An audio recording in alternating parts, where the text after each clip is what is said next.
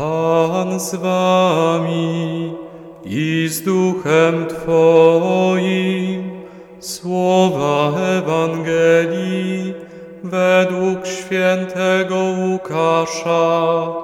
Chwała Tobie, Panie.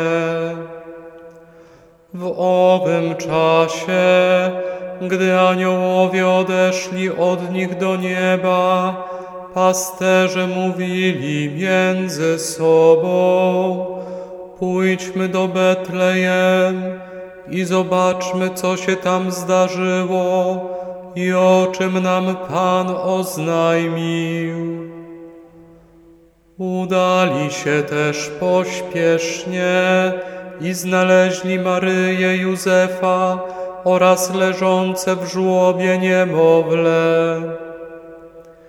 Gdy je ujrzeli, opowiedzieli, co im zostało objawione o tym dziecięciu. A wszyscy, którzy to słyszeli, zdumieli się tym, co im pasterze opowiedzieli. Lecz Maryja zachowywała wszystkie te sprawy i rozważała je w swoim sercu.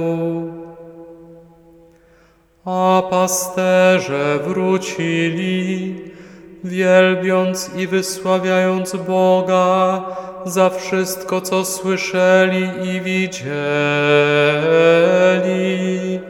jak im to zostało przedtem powiedziane. Oto słowo Pańskie. Chwała Tobie, Chryste.